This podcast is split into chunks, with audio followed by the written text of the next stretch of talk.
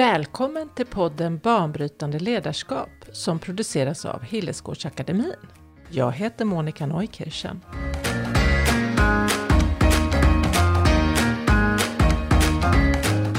Vi är just nu inne i en tid av omprövning i världen. Nu behövs ett ledarskap som både vågar och kan bryta invanda tankemodeller, verksamhetsmodeller och affärsmodeller. Det behövs ledare som vågar och kan bryta ny mark och tänka nya tankar.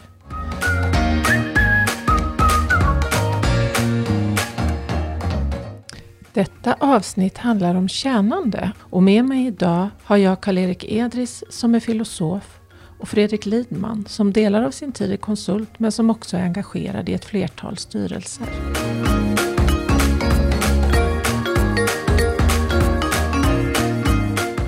Vilket är mitt syfte? Mitt why?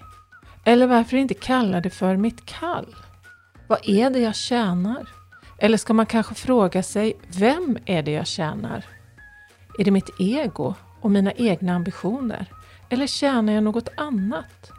I detta poddsamtal pratar vi om hur man genom att bli uppmärksam på signaler från sitt inre bättre kan förstå sitt syfte och sitt uppdrag i livet. Vi pratar om att ha en tjänande inställning och hur det kan vara vägen till ett rikt och meningsfullt liv och också vägen till bättre organisationer och en bättre värld. Och så försöker vi ringa in vad det där med tjänande är. Är det att altruistiskt offra mig för andra eller handlar det snarare om att upplåta mig själv till att låta saker hända genom mig?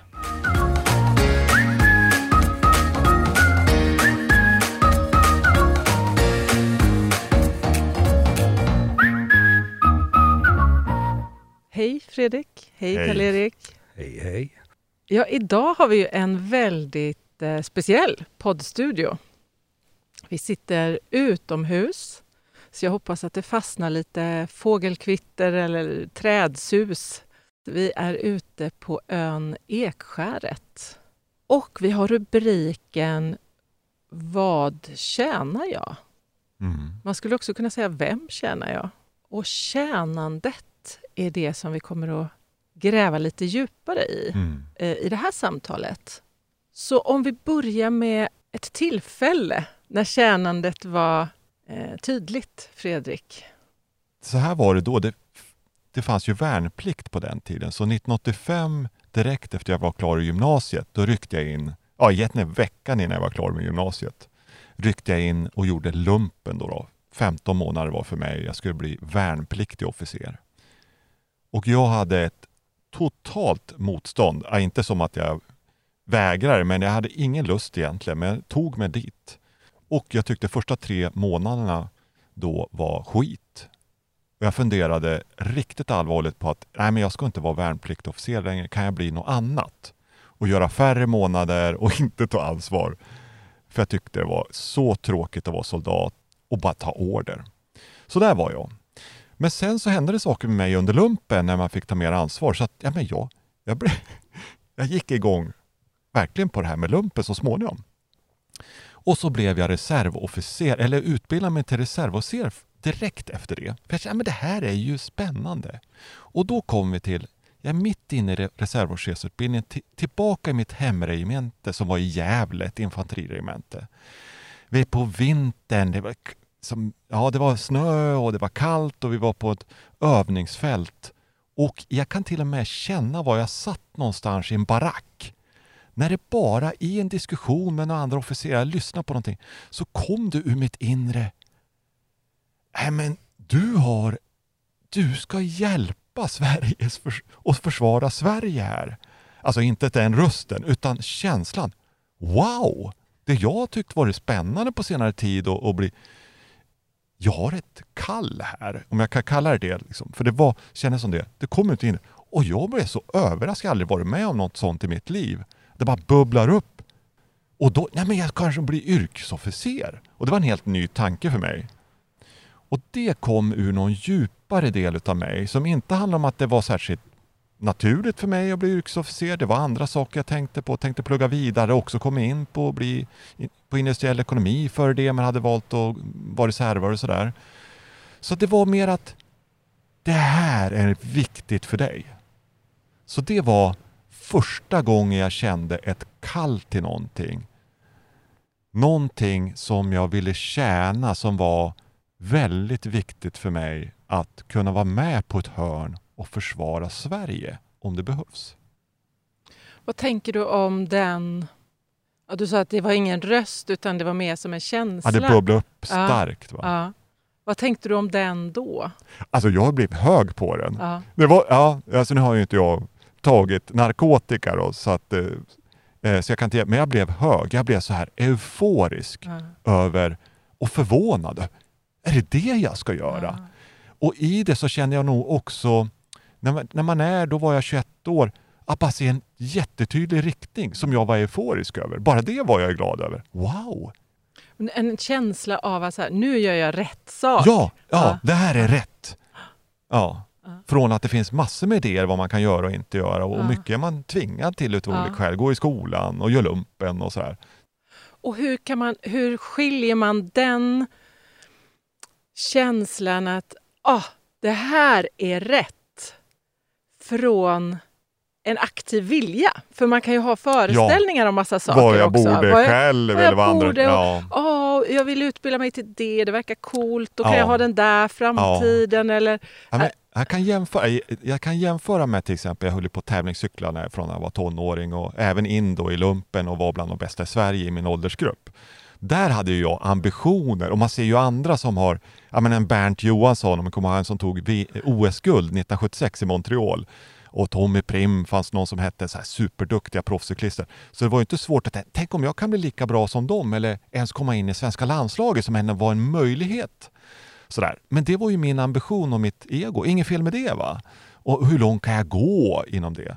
Men det här kom från något annat ställe. Jag hade inte ens tänkt tanken seriöst. Utan bara bubblade upp.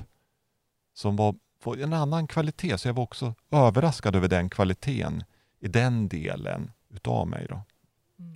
Du fick en påminnelse om någon del av dig som hade pejling på något som var större än du själv helt enkelt. Ja, det var nog det som Ja. jag var... Det var bortom mig själv, men ändå en del utav mig Ja. själv. Men en del som jag inte hade haft tillgång till tidigare. Är för du blev ju förvånad över var Ja. kommer det här ifrån? Ja, ja, när det kom upp i det medvetna så var det Ja. Det är ingen som har sagt till mig att jag borde bli officer utan Verkligen inte. nej. det, det, nu pratar man ju väldigt mycket om eh, why Ja, och syfte. Och ibland kan ju det där bli, kan jag tycka att det kan bli lite, det kan bli självupptaget. Att det är, det är bara mig det handlar om. ja, Eh, å andra sidan så är jag den första att vara förespråkare till att ha koll på mitt ja, så kallade syfte eller vad man nu, vad man nu kallar det. För att det är på något sätt en förutsättning för att jag ska kunna tjäna, om vi använder det ordet. Mm. Eh, men det finns ju också en...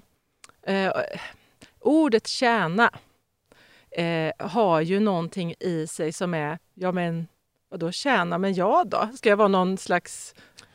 Ska jag vara underdånig Oh, dig ja, här va? precis. Ska Ja. jag tjäna andra? För att jag Precis. vill ju... Ja. Ja. Jo, men jag ser ju det där mera som en utvecklingsprocess i början. Man hamnar ju här som människa och så har man fullt av människor kring sig som tycker att de ska ge en goda råd om vad man ska göra med sitt liv. Och så eh, har man inte någon säker känsla själv och så fumlar man sig fram i tillvaron och så kan man tro olika saker om sig själv och så provar man saker som man kanske är lite begåvad på men man får aldrig den där klaffen, åtminstone var det så för mig. Och eh, sen, kan man, sen börjar ju de här känslorna av att man vill hitta en mening.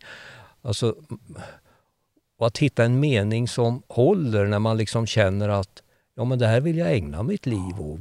Att det känns berikande. Va? Det, och det där, det där slutar väl egentligen aldrig. Jag fattade inte de där sakerna förrän jag hade börjat meditera och kom in på liksom en mera, vad ska man säga, säkrare känsla för när inre signaler var att lita på.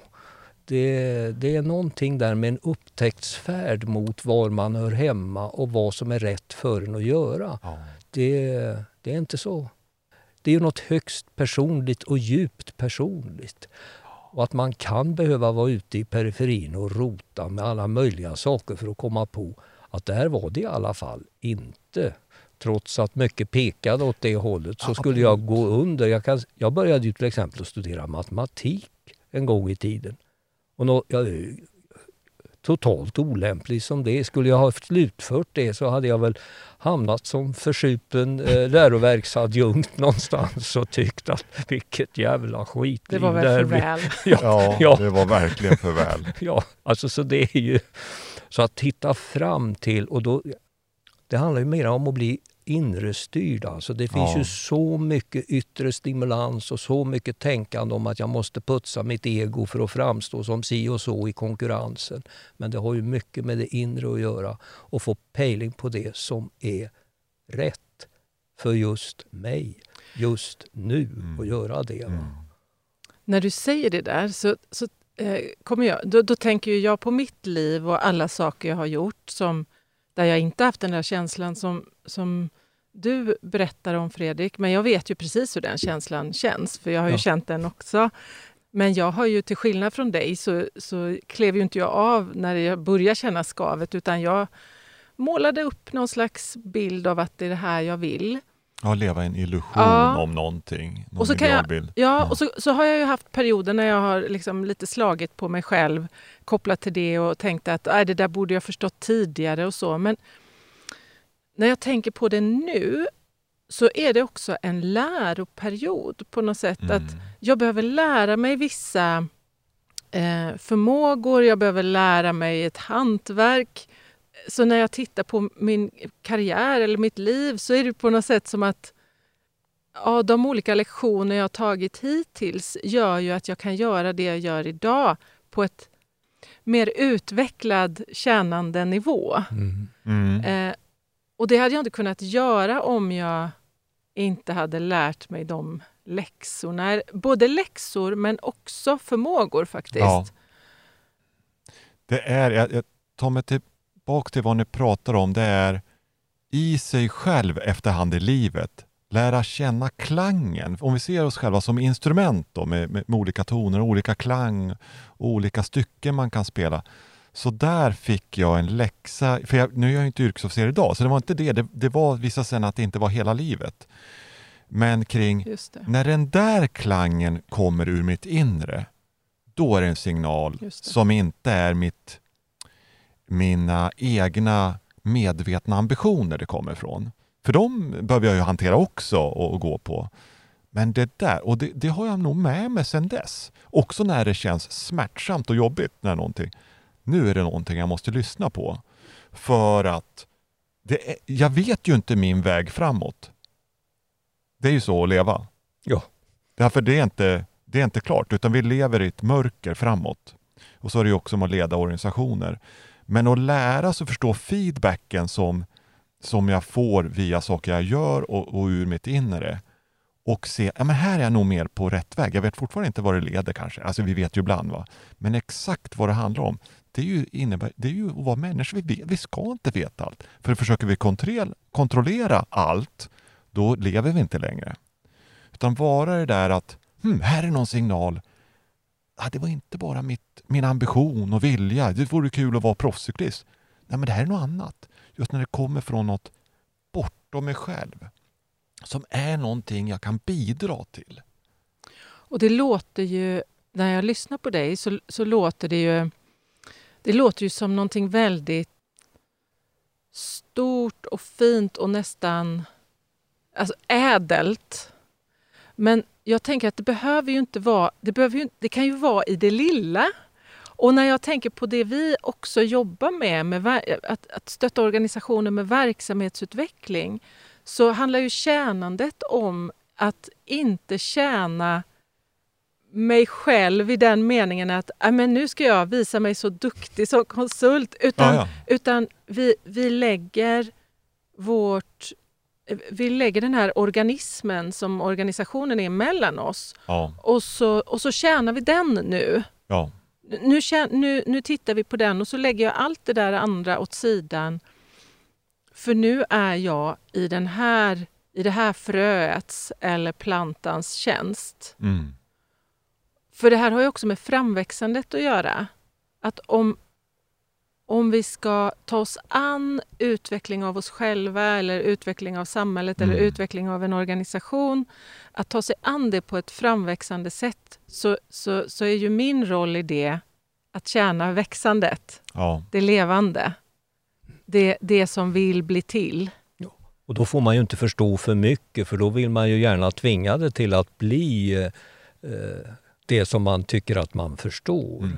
Så att då, alltså, det finns ju något gammalt skämt om att eh, en eh, kamel är en häst formgiven av en kommitté. Att Ja, ja, precis. det, det, kan, det kan bli väldigt konstigt om man driver sina Jag vill olika... ha en puckel. Nej, det ska Och vi vara alla var det väl sådana möten, det är det man konstruerar, men ingen är ju nöjd med det. Jo, men alltså nu kommer vi ju in på något annat kanske än tjänandet, men Ja. alltså det där, det är ett slags spänningstillstånd där, där det i situationen växer det, visar sig det möjliga. Och om det då inte stämmer med ens förförståelse av det hela eller vad man har skrivit på sin hemsida, men det blir, men det blir väldigt bra ändå. Ja. Då, är, då har man ju verkligen Ja. tjänat den här, vad ska man säga, den här organismen som du sa. Va? Ja. Alltså den här, det här, den här tillblivelseprocessen. När vi nu tänkte på ett bolag här förut till exempel, att känna att det har en uppgift. Som, om det, det är en stor skillnad för till exempel medborgarna i den Ja. där kommunen om den sköts väl. Ja. Och att hjälpa då detta att ske utan att tänka på sig själv och vad man, ens egna favoritidéer. Utan, Ja. det, utan att man kan ja, katalysera den där processen. Det är enormt viktigt. Mm.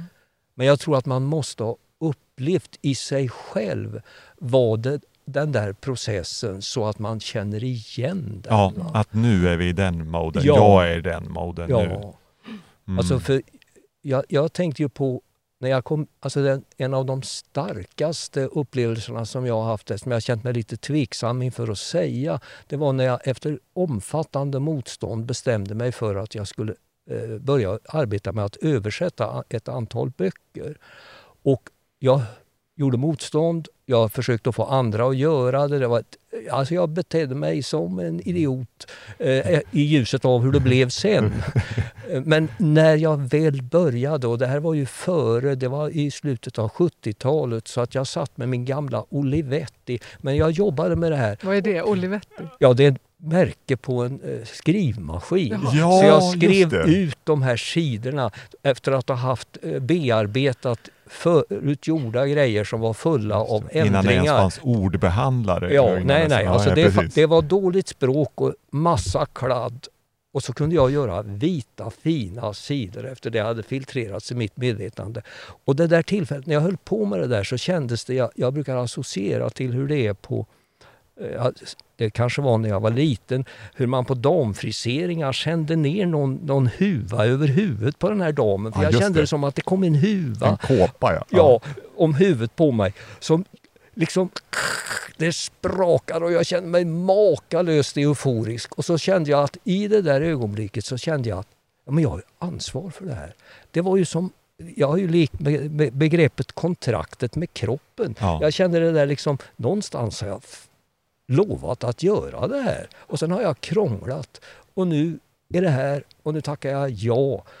Och det bekräftas så, så det etsas in i mig så jag kan inte prata om det utan att börja bli tårögd till och med. Alltså, ja, så väldigt starkt. Och den där känslan, om man kan få den, va, det, det är så informationstätt så det går nästan inte att, ja, det går nästan inte att beskriva det där. Och, och då finns det ju, hör jag, en passion i det där. För en, en passion i när man är i den typen av tjänande mode i sitt liv, för det är någonting som slår an så på djupet, då är det en passion som både den här euforin, men också ett möjligt lidande.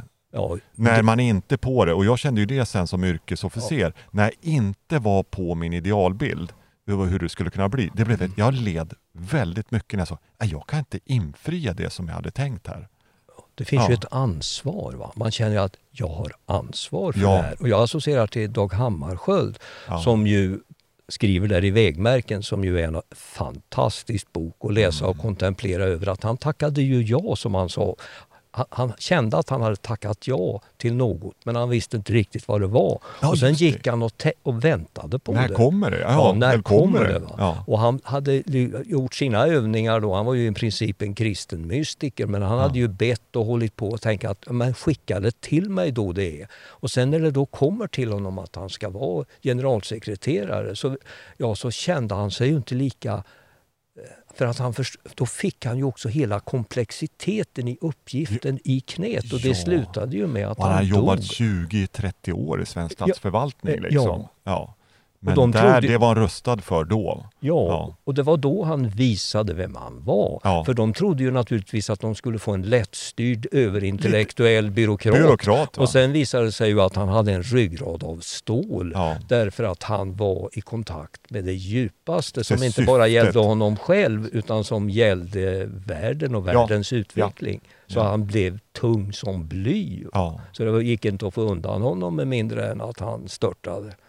Så blev man av med honom. Det, ja, så att det är ju väldiga krafter om man kommer åt det här. Och det här är bortom att what's my why liksom och sådär. Men, men jag tror som, som du var inne på Monica, det där händer i livet om vi är öppen för det vid några tillfällen och det har också med familjelivet att göra alltså, och relationer och så här där det känns blytungt. Och post. Men, men det går också i, i organisationer. Ibland känner man så, som jag kände med armén och känner med vissa saker nu också. Men ibland är det att bara komma in, som du är inne på, i den inställningen tillsammans i den grupp som ansvarar för någon fråga. Att vi agerar som om det här är ett Dag Hammarskjölds-uppdrag. Vad händer då? Ja, det, dessutom, det finns ju ytterligare en dimension av den här processen när man hittar sin väg. Och det är att man också hittar människorna som hör till uppdraget. Att man känner igen sitt sammanhang och tänker, ja men där är ju de. Här har vi den grupp som ska göra detta, för man gör ju inte saker ensam. Nej. Utan man är beroende av andra och man måste, alltså särskilt i den här utvecklingsfasen som vi är inne i nu när det är så mycket som behöver transformeras så behöver ju de personer som ska katalysera transformation på massor av områden, de bör helst ha kommit till den där nivån att de känner det här va, att jag ska, någonting ska hända genom mig. Eh, Jag brukar ju laborera med det här med kausalitet från framtiden. Alltså är man inpejlad på det här så kan man låta saker, frön från framtiden kan slå rot i nuet och man känner då att ja men det här innehåller väldigt mycket. Men det är inte något som man styr med sitt kalkylerande intellekt. Utan det använder man som ett stö en stödfunktion. Men när det gäller det verkligt viktiga så, ja, så är det liksom bara att man känner att det är större än mig. Jag får upptäcka det tillsammans med andra personer. Och förhoppningsvis så kommer inte mina eh, personliga begränsningar att eh, obstruera eh, sakens förverkligande. Utan att man istället, när det blir press på en att man är för kort i rocken, att man då kan få hjälp av situationen Ja. att utvecklas som person, så man Ja. klarar av det. Va? Så att man Rise to växer. the occasion. Ja, rise to the occasion. Ja. Men jag tänker också på det här är ju inte att gå och säga till andra. eh, Vi föreslår ju inte heller, tänker jag, att nu ska vi börja säga att vi tjänar saker heller. För det är ett slitet ord och knutet av det kristna och sånt där. Så det är inte så, eller så här, ja, mitt syfte är det här. Och eh, meddela det på LinkedIn och Facebook och så här. Det här är en högst personlig sak. Högst personlig. Det behöver inte vara någon annan som vet det, vad som är ens inre. Men man agerar utifrån. Man är på ett sätt som tjänar ett eller flera syften som är djupt meningsfulla för en. Men man, man kan ju börja med att reflektera över vad man lägger sina, sin tid och sina pengar på. Alltså, vad, vad, är det, vad ligger tyngdpunkterna i mitt liv egentligen när det gäller det? Alltså man kan ju fantisera om vackra saker. Precis. Men vad ägnar jag mig åt? Alltså det, Ja. det är ju som, kan man säga, det är de gudar på vars altare man offrar Ja. dagligen. Jag lägger ner 40 timmar i Ja. veckan på det här. Jaha, varför det? ja. Ja, och det kan, man kan ju vara så otroligt på rätt ställe så att det bara sjunger i bröstet på en när man tänker på vad man gör. Men är man inte det så... Men jag har, en, jag har en stark hypotes kring mitt eget liv Där när jag varit på de här signalerna som vi pratar om, här, också magnituden på signaler, då lever jag ett bättre liv för, för mig själv också. Det är ett mycket mer meningsfullt liv och eh, meningsfullt liv. Och jag har också en hypotes därmed är inte min, men jag tror på den. Att en del av att, att vi har bättre verksamheter och organisationer och kan bryta bana, en del av svaret ligger på att fler pejlar in i sitt inre kring vad är meningsfullt för mig nu? Alltså en djupare process och då, då bubblar upp ur liksom bortom språket saker till en som gör att just det, det där ja. Och, och lystrar på sina signaler, känner dess klang, va? vad man lärt sig genom livet. Då tror jag, om fler gör det, tror på de signalerna och börjar agera efter de signalerna, då har vi de här imagocellerna som, som skapar ännu bättre verksamheter. Eh, så, så, jag tror mycket av det möjliga svaret till att skapa en bättre värld, än bättre än vad idag, ligger inom det här området. Ja, jag håller ju med dig om det och jag, jag, man kan ju tänka i termer av eh, ett så slitet ord som kärlek. En av mina favorittankar är att det man älskar, det sköter man väl. Mm. Och så ser man då världen ser ut som den gör och det är mycket som skriker illa skött omkring sig. Och då kan man ju säga, för lite kärlek. Mm. Och då kan man säga, hur skapar, alltså hur kommer man i kontakt med den här sidan då vi tillsammans genererar en slags kärleksfull förståelse och lust att hantera saker. Och Det har ju att göra med kommunikation människor emellan som är ganska färdiga med sig själva. Så man behöver inte vinna över andra i maktspel och hålla på med en massa dynga som bara tar energi och som gör att inget sköts bättre. Så att det här med vårdandet av sig själv, försöka få fram sina bästa sidor för att sen hitta konstruktiva gruppprocesser, det är ju också ett tjänande för då får det här att tro att man ska ha en färdig bild av vad man ska göra ja. av livet och forma det efter ja. en, en uttänkt mall. Det funkar ja. inte. Va? Utan Nej, funkar inte måste lita på att det finns, lösningen ja. finns här. Vi kan få den att landa nu och alla kan bidra genom att söka den bästa, de bästa sidorna av sig själv och gå in i mogna samarbeten med andra för att transformera det man är inne i. Istället för att tro att ja, det blir katastrofer. Och, ja, men alltså det får vi ju jobba ihop till i så fall. Om, om vi inte vill det så kan vi sätta stopp på katastroferna. Om vi ska ta och, och runda av det här samtalet. Jag tror att eh, när man lyssnar på det här så är det Vissa känner nog igen sig. Andra kanske undrar vad 17 pratar de om. eh, vad, vad, skulle vara vårt råd eh, om man ändå känner att ah, det jag, jag skulle vilja utforska det där, den där tjänande positionen eller någonting som klingar i mig att det är sant. Eh, ja, det, det omedelbara som kommer till mig är att ta dina inre signaler på allvar. Eh, det, det, är därifrån det kommer. När det, och också inklusive, som jag känt då och då i livet, när, också när du är förvirrad, då är det någonting viktigt här. Inte så att du måste vara förvirrad ett tag, för det är någonting du behöver släppa tag om innan du eventuellt kan vara i någon förnyelse igen. Så det har jag känt flera gånger. Ta de där inre signalerna på allvar, vårda det och var i det då och för att kunna ta det vidare. Så dölj inte det. Försök inte lägga ett lock på det där. För att det leder inte till ett bra ställe i ditt eget liv i slutändan. Jag tycker ju det där du sa där Fredrik är mycket klokt. Sen kan man ju komma i faser där man, man kanske är så lyckligt lottad att man är i sammanhang där det finns personer som kan vara uppmärksamma på en. Alltså att man är Alltså att det inte är ett sammanhang där alla bara vill berätta analogier om vad de själva har varit med om och olika sådana här saker utan att man känner att det är personer som har likartade livserfarenheter men som ändå lämnar en fri att brottas fram den egna lösningen på det så att man inte får för mycket svar på, på det hela. För det är ju en högst personlig sak. Man kan ju säga att den här mänskliga utvecklingsvägen, det finns generella faser i den som nästan alla går igenom. Men man är själv vägen. Det är en högst personlig grej. Vad det är för saker man måste uppleva och vilka människor man måste möta och vilka slutsatser man måste dra. Och, och det ska, man får inte dra någon, vad ska man säga, mer någon generell mössa på huvudet på alla utan mm. det, det, är en högst personlig grej.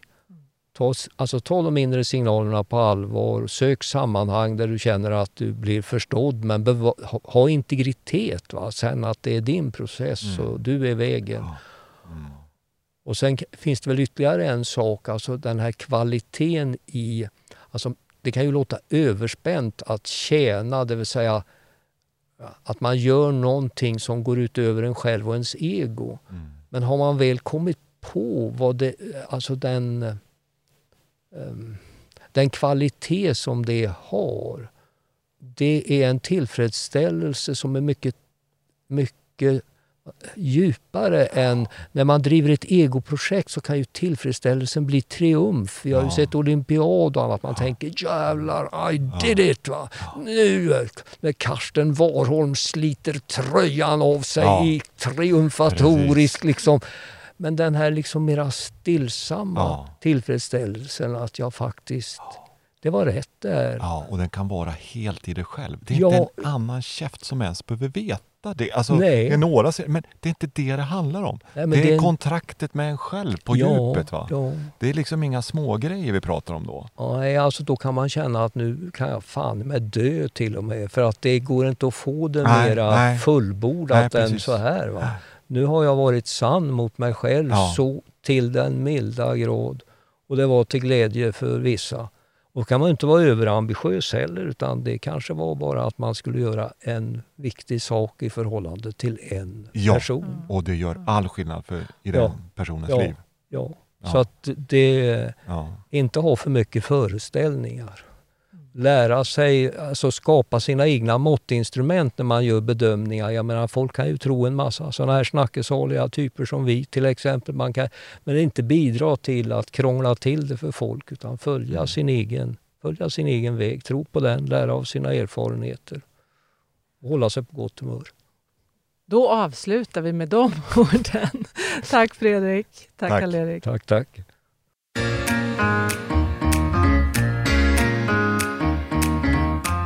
Du har hört avsnittet Vad tjänar du? i poddserien Banbrytande ledarskap.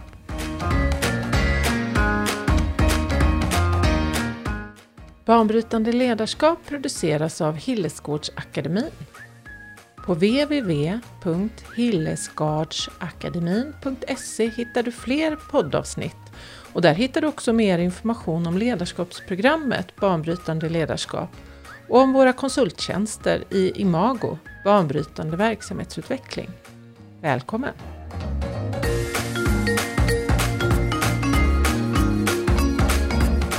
Jag heter Monica Neukirchen och med mig idag hade jag Fredrik Lidman och Karl-Erik Edris.